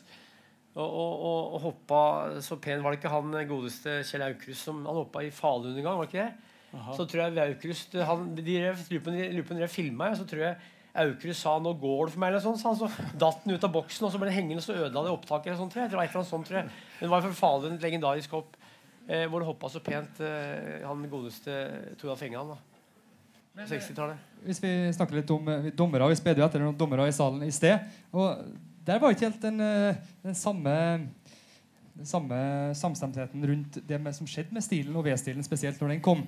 Torbjørn Yggeseth, kjent eh, skidommer, hoppdommer, sa jo bl.a. at, at han ikke kunne forstå at han kunne dømme 18 på, en, på et V-stilhopp, og at alle dommere som dømte 18 eller, eller bedre, burde bli, bli fjerna. Si litt om uh, eh, utviklinga der, og hvordan uh, stilendringa påvirka dommerne. Jeg, jeg, har jo ingen greie på dette, her, så jeg kan ikke si noe egentlig. Men det, det jeg, jeg snakka med Nils Livland, som er hoppdommer. Han kjenner du sikkert. Ja. Han prater jo om, om, det og sier at uh, jeg, jeg, skjønner jo ikke dette her, for at normene har forandra seg. og Da Bokelund kom, så fikk han noe veldig dårlig betalt i begynnelsen. Etter hvert så fikk han bedre betalt, så normene har vel også delvis forandra seg i takt med at de som hopper lengst Er ikke det riktig å si det, Steinar? Ja. Og det var V-stilen, altså, som uh, Janne, som ikke alle mye som hoppa sammen, men Bokløv sa årsaken til at han fant opp V-stilen, at han kom aldri opp på skia. Han fikk aldri til å fly. Han sto bak og hoppa for kort. Og så Han ble forbanna, rett og slett. Og, og, så hadde han et svev der han ble litt skeiv og fikk uh, luft uh, litt forskjell på begge skia, sånn at de begynte å splitte seg. Og kjente da at kroppen fikk lov å rotere lenger framover. Det var det som starta V-stilen. Så det var lite planlegging i det. Men det var effektivt. Fallen var ikke? Ja, Sikkert. Han hoppa, de trena mye der. Men eh, det var i hvert fall effektivt, og den kjente han. Og det er klart, det å si at nei, det er, det er effektivt, men stygt, det, det, er, det er vanskelig for, for mennesket å godta over tid. i hvert fall Det samme var jo med skøytinga. Men i dag så er det jo helt nydelig å se effektivitet. Et menneske som gjør noe effektivt. Og da må du òg få stil i forhold til Men du har jo endra bedømminga. For han hadde jo, du hadde jo en maksimal avstand mellom skia sant, som eh, hvis ikke skulle trekkes. Han hadde jo mange mange ganger det som var tillatt, så det måtte jo trekkes. Men, eh, så, det, så Reglene som så, det måtte skrives om. Det har ble gjort flere ganger. da. Eh, Pga. at du må følge en viss effektivitet. Eh, I dag så så den diskusjonen hva som var pent Jeg syns alle de beste til si tid er like pen. Ja, sånn som Jan Gjære, da, som var fra Gjøvik, han hoppa finnestil, og da fikk han trekk for det. Mm. Han hoppa litt sånn som Engan. Mm. Det fikk han trekk for på, i 55. sånn. For han skulle hoppe da med arm eller, eller sånn med knekt. da. Ja. Så det, det, det har variert. Du fikk ikke lov å strekke kroppen? Nei. For at de trodde også det var farlig? Ja. Altså, altså, det er samme som eh, Torbjørn altså Yggeseth trodde at eh, du måtte stoppe damene, for de kom til å knekke ryggen. Og så altså, ser turndamer, så begynner du å lure på hvor Det, det, det henger jo ikke på greip. Men er, konservatismen er jo sterk i skidretten. Da. Så det, det, tar sin tid. Men det er mange sånne ting som gjør at uh, utviklinga går i det tempoet det gjør. da. Dommerne ble gradvis myka opp. Tor, vi er inne på det med, med, damer. Du har dedikert to kapitler av boka di ja. til, til damer. og ja, dem fra, fra Klæbu. Ja, jeg kan bare si først at Det er mange damer som hoppa på ski. Eh, fra gammelt av. Vi hører om f.eks. da i 1913 i Brumunddal, der jeg vokste opp, var det hovedlandsscenen. Det var 10 000 tilskuere, og da var det 412 innbyggere i bygda. så det var bra oppmøte. Og da var prøvehopperen var det kvinnfolk med skjørt. Og problemet for damer var at de, de hadde ikke lov til å ha bukse. Så det er vanskelig å hoppe i skjørt. Men vi hører om da Johanne Kolstad i 30-åra som Gaute prata om. og det er flere damer i Trøndelag som er oppe her. Men jeg har altså Anita Wold eget kapittel i boka, og Merete Kristiansen fra Klæbu, som da er den yngste. Anita var den hoppa over 97,5 meter i Sapporo på 70-tallet, og Merete var den første over 100 meter. Så, så, det var pionerer. Og da de drev på, så var det få damer som drev på det nivået. Det var kanskje ingen andre, men det var, det var en del som drev på i yngre år, sa de. Så de slutta gjerne når bakkene ble større. Men hvis du går til Bygde-Norge, f.eks. i 40-50-åra, så var det, var det, ganske mange jenter som hoppa til sammen. da, men, men, de var gjerne sånne guttejenter. eller noe. Og, og, og, jeg vet at Bestemora til hun jeg bor sammen med, hun heter Benedikt, hun jeg bor sammen med, hun var den første i Brumunddal som brukte bukse. Hun var født i 1903. Da hoppa hun på ski med bukse da, på 20-tallet. og Det var spesielt. De syntes de gamle damene var fælt. Det var ikke bare karene, det var damene som også syntes det var fælt at unge damer hoppa på ski med bukser. Og Det kom mote fra Paris og Hollywood, så det hadde noe med moten å gjøre òg. Litt sånn som muslimske i dag. Ikke det samme, men litt av det samme. hvis du skjønner kleskoder da. Det var en eh, parallell, men Ja, Steinar, du, du har jo faktisk gjort en del forskning på det her med, med antrekk. og Vi, ser, vi, vi starta med slips og, og hvitskjorte. Nå er vi i eh, supertuna dresser som skal gi best mulig flyvning. Hva, hva har skjedd der? Hvor stor revolusjon? Ja, den er stor. Jeg har forska lite på slips. Eh, men eh, vi hadde, for å, for å si hvor effektive hoppdressene kunne bli, da, så hadde vi Vi gjorde, har gjort mye rart gjennom eh, mange år, hoppa fallskjerm. Eh, og så fikk vi en av de profesjonelle eller lærerne på, den, eh, på den skolen som drev fallskjermhopping med oss, til å, til å prøve en hoppdress som var sydd for den. Dette var også nesten på det verste. altså Hoppdressen har vært 12 mm tjukk på det verste. Da sto den for seg sjøl. Bare å sette den bort i hjørnet, så sto den dressen der til dagen etter. Det er ikke tull engang. Den var mye luftig, og den fløy godt. Og han fikk prøve den, han fallskjermjegeren tidligere. Sånn, så sa han at han kom ned, og han så ut som han var proppa full av amfetamin. Det var det verste han har prøvd noen gang. Og han fløy med en vinkel. Var, dette var på Oppdal. Så vi så han gikk ut av flyet, og vi skulle hoppe etterpå. Men så det flyet, så stakk han bare av gårde.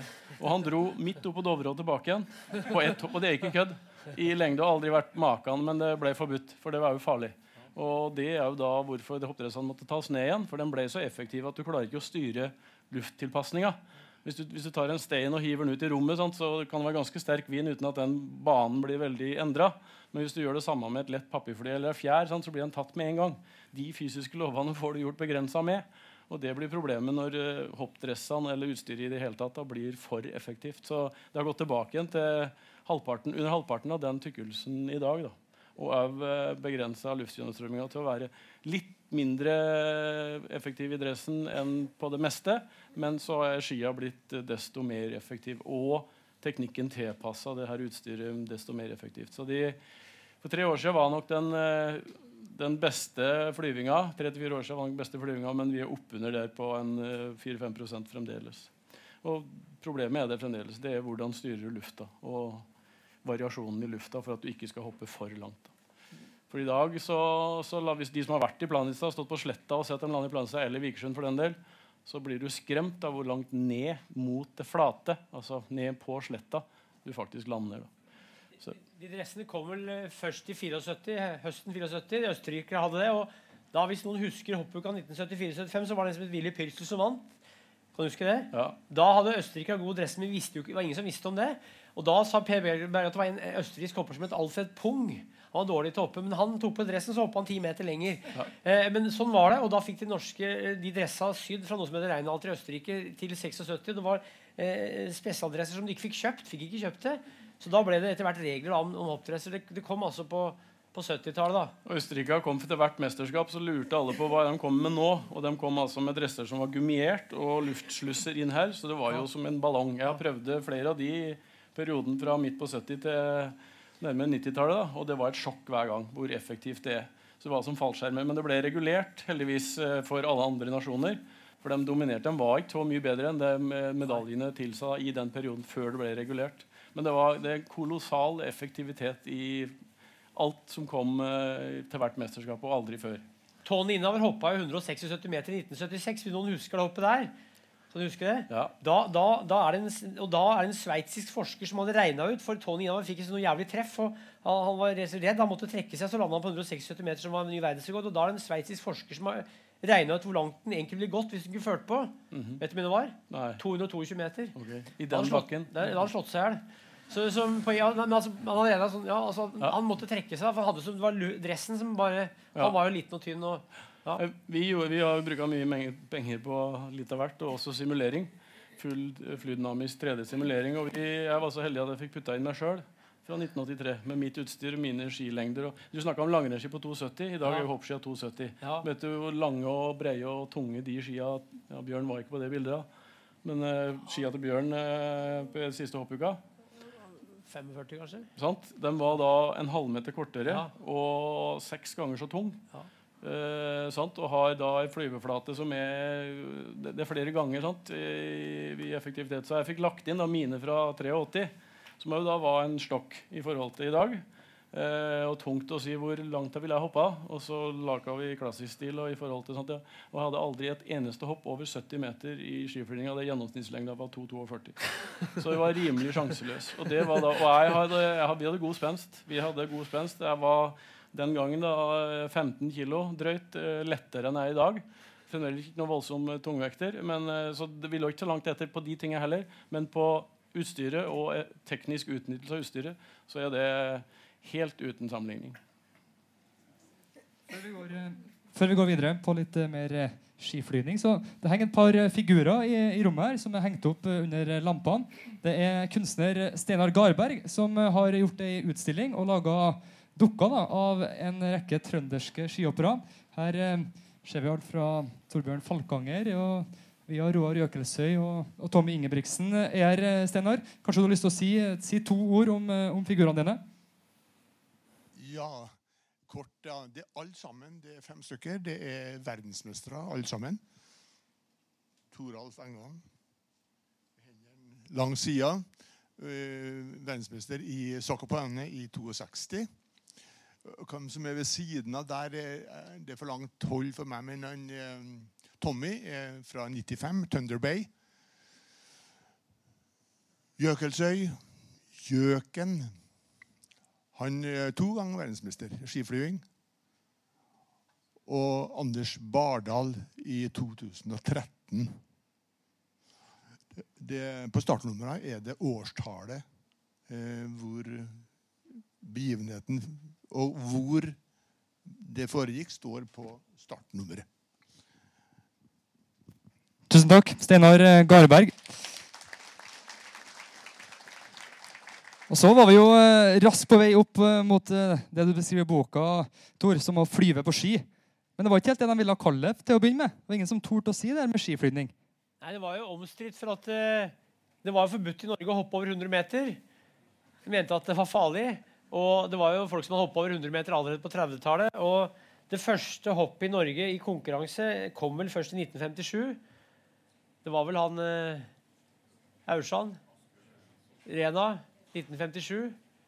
Februar. Og, og, og var, da, da var det mange som prøvde, men, men, men det hadde med bakkestørrelsen å gjøre. Da, da, da sa Sigmund Ruud han, han skrev det at hvis bakkene blir for store, sa han, skrev han, så vil det bli færre som hopper.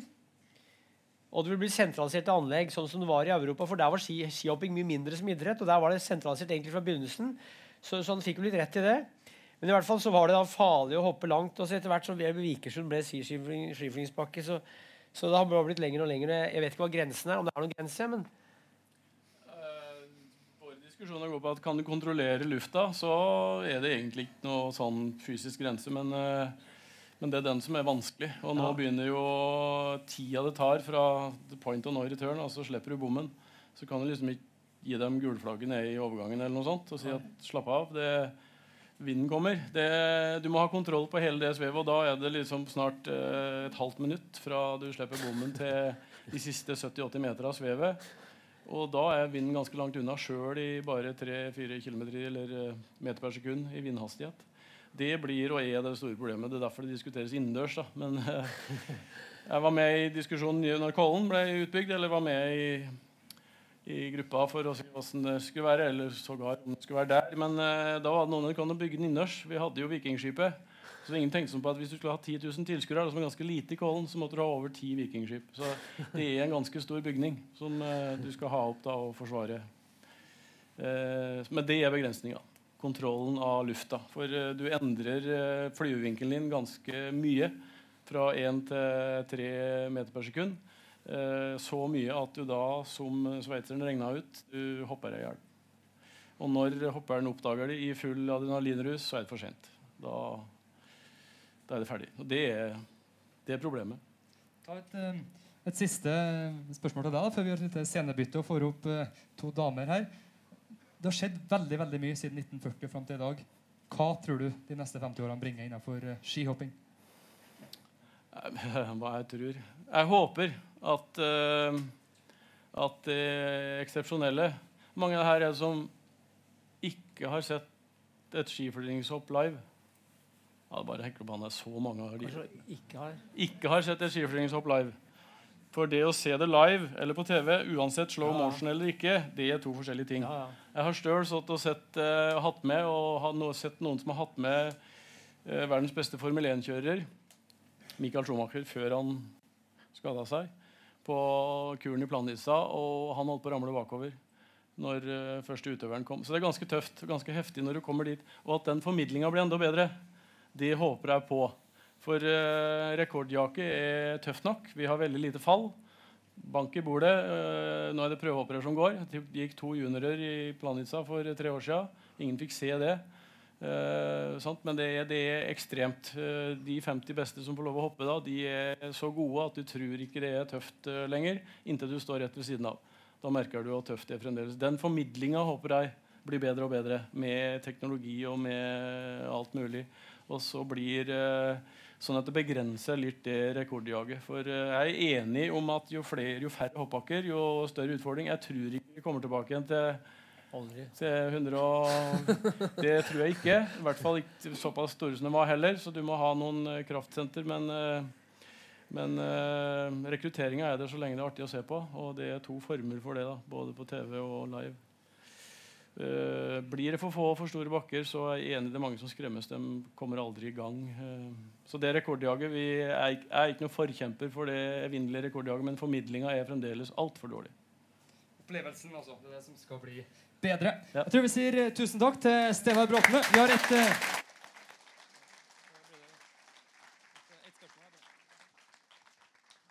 Får vi et lite scenebytte her, mens vi tar med oss et, et spørsmål fra salen.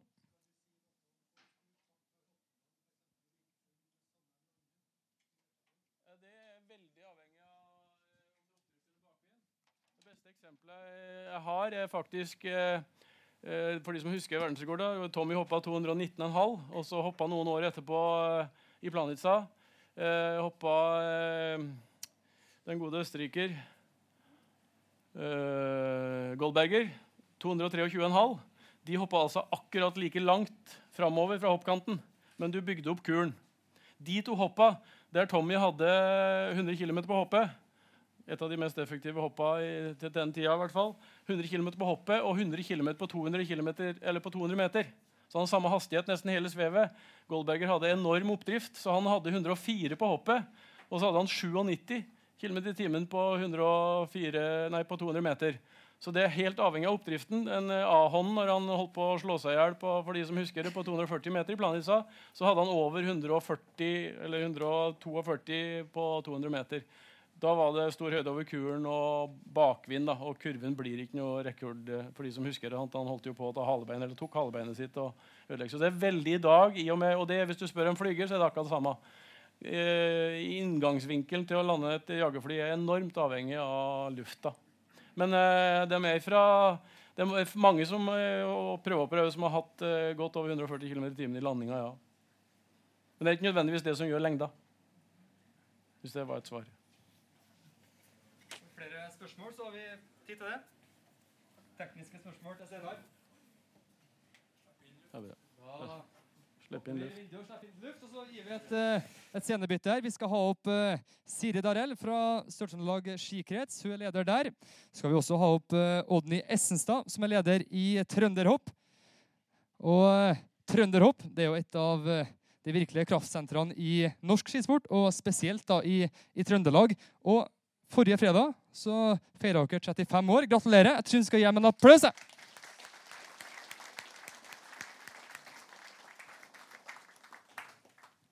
«35 år med utvikling av elitehoppere i, i Trøndelag. For det er det dere er. Trønder, eh, Trønderhopp er et eh, toppidrettsteam som har som mål å utvikle utøvere, gutter og jenter, til landslagsutøvere. Det er oppgaven vår. Og I den sammenheng så har jeg lyst til å si litt om strukturen i Hopp-Norge. fordi at den er i all hovedsak basert på team. Det er fem team i Norge som har, eh, tar vare på utøverne fra de er 16 år, starter på videregående, og eh, det, hele løpet fram til at de da legger opp. Og det er trønderhopp, det er eh, Lillehammerhopp, det er Kollenhopp, Det er Flying Team Vikersund. Og så har heldigvis eh, Team Telemark også fått et, la, et team på plass de to-tre siste åra. Så der er det noen ting som skjer igjen i Telemark. Men så jo dere litt unikt, da, fordi dere eh, samarbeider veldig godt med en videregående skole. Heimdal videregående. Og I tillegg samarbeider dere veldig godt med Olympiatoppen i Midt-Norge. Og når dere tar inn løpere, hoppere, når de er 16 år, da har dere til og med muligheten til å ha dem på internat. Er ikke det sant? Mm, det er helt riktig. Eh, Trønderhopp sin modell, eh, den er eh, Jeg vil påstå genuin. Eh, de som la den, de var kloke. Eh, modellen legger et veldig eh, godt samarbeid til grunn mellom da Heimdal videregående de aller aller fleste utøverne som kommer til Trondheim, de starter på, på Heimdal videregående på, på idrettslinja hopp der. Og så har vi da i et samarbeid med Olympiatoppen Midt-Norge en kvalitetssikring i det arbeidet som foregår. Og så har vi da også sånn at trenerne i trønderhopp er da ansatt på Heimdal videregående. Du kan ikke være ansatt på Heimdal videregående og uh, ha ansvar for hoppere uten at du har en relasjon til trønderhopp. Så det samarbeidet, det trepartssamarbeidet der, det er et viktig bidrag i det å utvikle toppidrettsutøvere innenfor hopp. Og, og Siri, du, du, er jo leder av Sør-Trøndelag skikrets. og Det er jo skikretsen som uh, da rekrutterer løpere egentlig som trønderhopp uh, nyter godt av og utvikler videre til, til, det ypperste nivået. Hva skjer på rekrutteringsarbeidet i, i Sør-Trøndelag skikrets per i dag? det er jo ikke ski, det er jo skikretsen. Skikretsen er jo alle klubbene, og det er jo klubbene i hoppsporten som jobber med rekruttering. Og vi legger jo til rette så godt vi kan. Jeg syns hoppsporten eh, er inne på et veldig godt spor. Da. De eh, gjør jo noe som er ganske unikt i forhold til hva mange andre idretter gjør. De lager jo faktisk konkurranser som er eh, basert på ferdig, ferdigheter istedenfor på alder. Så for det, alle sammen vet jo at det kan være ganske stor forskjell på en tolvåring. Noen kan jo være sånn, og noen kan jo være sånn. Så da er det konkurranser som er basert på, på ferdig, ferdigheter, og så rykker de oppover i bakkene. Og med den fantastiske dugnadsånden og det som er i hoppsporten, og det ser jo bare på oppslutninga her òg, så syns jeg det er utrolig bra, det arbeidet som er gjort. Uh, I vår region så er det jo i Granåsen, da, med de småbakkene i Granåsen. Og så er det jo i Knyken, stort sett. Vi har jo en, det er en sju-åtte klubber i kretsen som har hopp. Eh, to stykker i, i Trondheim. da. Så, um, sånn som det er nå, så er det vel en 50-60 aktive uh, unger og ungdommer. Og det gjøres jo en veldig god jobb i Trønderhopp, da, selvfølgelig. Men så har vi jo det teamet under, som er Team Sør-Trøndelag, som er en samarbeid mellom hopp og kombinert. Uh, som da driver med utvikling uh, av kombinert og hopp, hopp, hoppere. For det, det, er et av dine ankepunkt eh, Odny, har vært å få, få fram det samarbeidet her og dra synergier på tvers av de to relativt like grenene. Mm. Hva er Trønderhopps bidrag inn i det her eh, samarbeidet med kombinert og hopp? Litt usikker på hva du egentlig mener med ankepunkt. Eh, det at vi har et fellesprosjekt i aldersgruppa 13-15 år eh, som gjør at de ikke skal ta stilling til hva de skal gjøre når de blir litt eh, gamlere, det syns jeg er en veldig, veldig fin filosofi. Og jeg må innrømme det at jeg har vært styreleder i, eh, i Trønderhopp i 13 år. Jeg har ikke peiling på skihopping, bare så det er sagt. Den viktigste, ja, den viktigste egenskapen til en, til en, skileder i dag det er å ha stålkontroll på økonomien. Men man har lært noen ting i løpet av de året her. Og når jeg begynte, så husker jeg at eh, det var ikke lov for utøverne å spille fotball. Når du har fylt 16 år, så kunne du ikke spille fotball, for da var det et eller annet med muskulaturen som ikke ble bra. Den tankegangen er helt borte. Nå er det fokus på allsidighet og å drive på med mest mulig idrett lengst mulig. Og det er jo fantastisk. og det at vi har eh, et samarbeid mellom hopp og kombinert Vi er to små idretter. Det er små familier. Vi har behov for hverandre. Og det eh, jeg vil ikke si at vi er like flinke på alle områder, men vi, vi snakker godt sammen. Vi har nettopp hatt et, et felles rekrutteringsmøte i, i, Granåsen, der vi også samla eh, Byåsen, da, som først og fremst er spydspissen innenfor eh, rekruttering her i, i, Trondheim. Og vi har også med representanter fra Knyken. Og ser litt på hva, hvordan skal vi i framtida samarbeide for å få til ei best mulig rekruttering. Eh, men så er det også sånn at når det kommer til rekruttering, så eh, tror jeg at den tida med at det var en hoppbakke i hver ei bygd, den er forbi. Jeg tror at Skal vi lykkes med god rekruttering både til hoppsporten og eller fortsatt god rekruttering, fordi vi har en brukbar rekruttering, så er det å bygge opp sentra der eh, type Granåsen, rekruttanlegget der, og i Knyken, fordi at det er slutt på den tida dere som eh, foreldre orker å holde på å ordne bakker og tråkk og, og, og, stå der. Sånn er det bare. Og Da er vi avhengig av at vi klarer å ha de sentrene der vi faktisk har eh, enten en eller annen eh, Altså at man må ha folk som har noe betalt for å gjøre en jobb, skal du lykkes med rekruttering inn i framtida.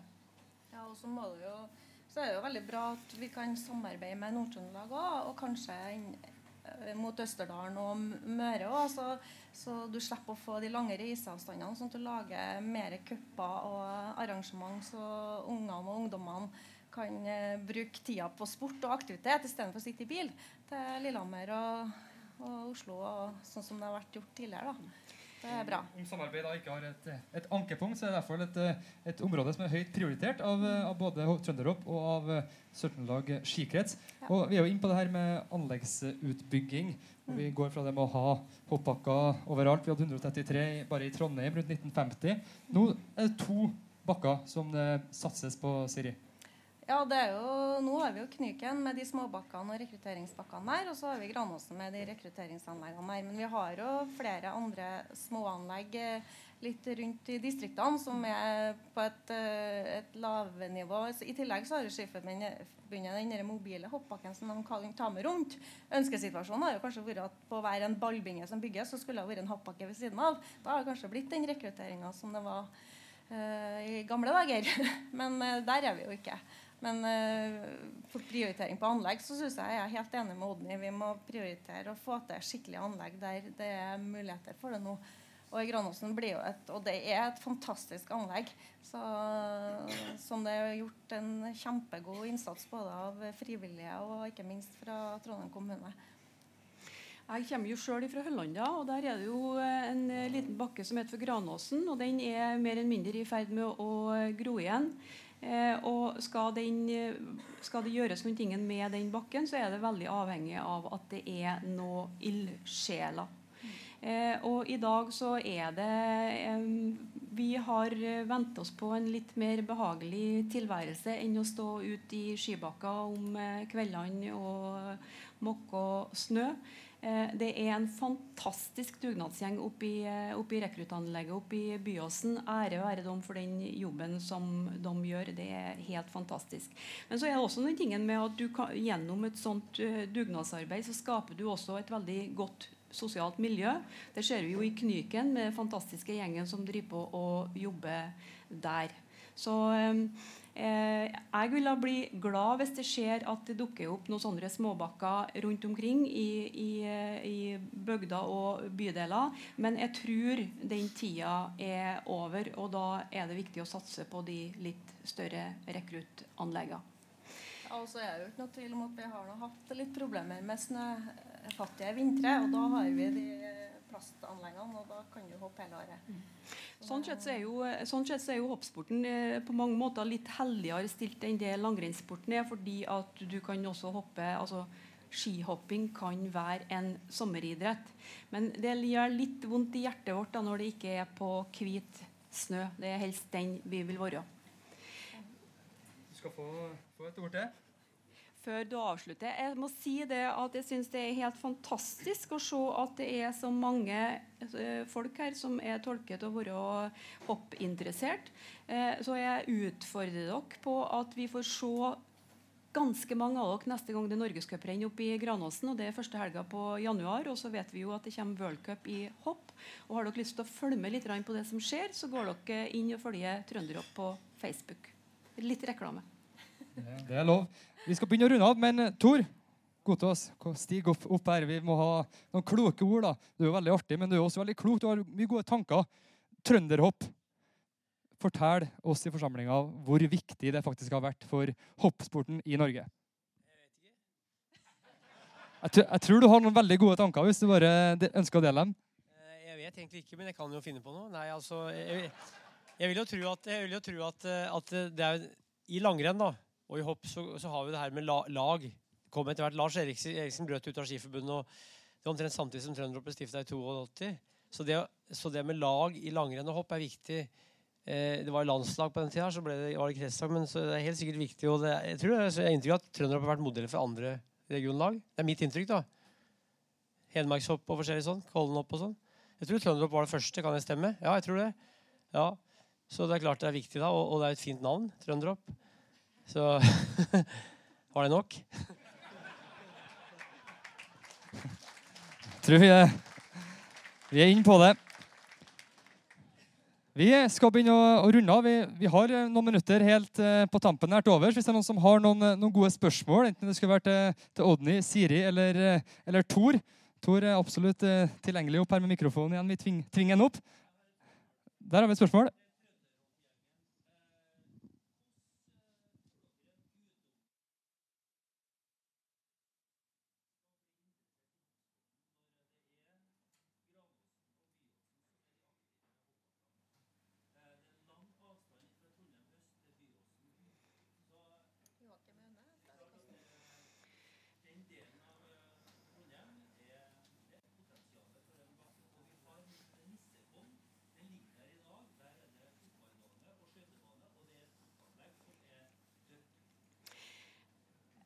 Som jeg sa, så vil jeg bli veldig glad hvis det, at det er en eh, er i, i, bydeler som, eh, som, kommer på plass igjen.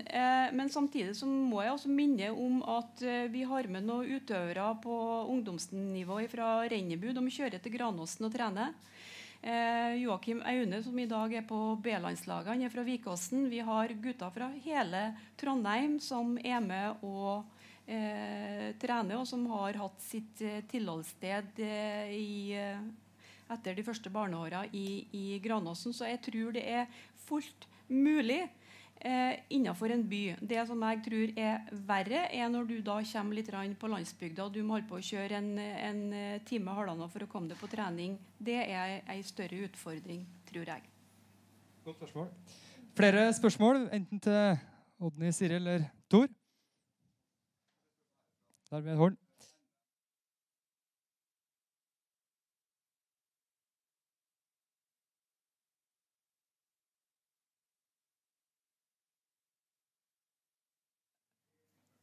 NM, eh, NM eh, hopp eh, liten bakke går jo så å si over hele landet. NM stor bakke er ikke så veldig mange alternativer. Det er må jeg ha litt hjelp her, Steinar, det er Granåsen, det er Lyskorsbakkene, og det er Holmenkollen, og that's it, ikke det? Vikersund ja, ja. ja, jeg sa Lillehammer. Lyskår. Ja. Så det, det, er den enkle forklaringa at det ikke er så mange anlegg som tilfredsstiller de kravene som stilles. Men, men uh, liten bakke går på mange plasser. ja engasjement? Det er litt det samme i langrenn òg. Det stilles ganske store krav til langrennsarrangør òg. Det er ikke hvem som helst som kan gjøre, det heller. Uansett, veldig mye gode diskusjoner her. På, på tampen viser at det er engasjement både i forsamlinga og helt sikkert mange som ikke fikk komme inn her i dag, som også hadde noen synspunkt. Håper alle sammen har hatt en uh, artig kveld med artige innspill. Vi takker så mye Tor Gotaas for uh, oppmøtet. Gaute Gaute, som har eh, berika oss med historie fra Trondheim. Steinar, Siri og Odny. Og ikke minst da Steinar Garberg, som har eh, gitt oss eh, figurer å se på. Tusen takk for frammøtet. Vi ønsker alle sammen en fin kveld og vel hjem.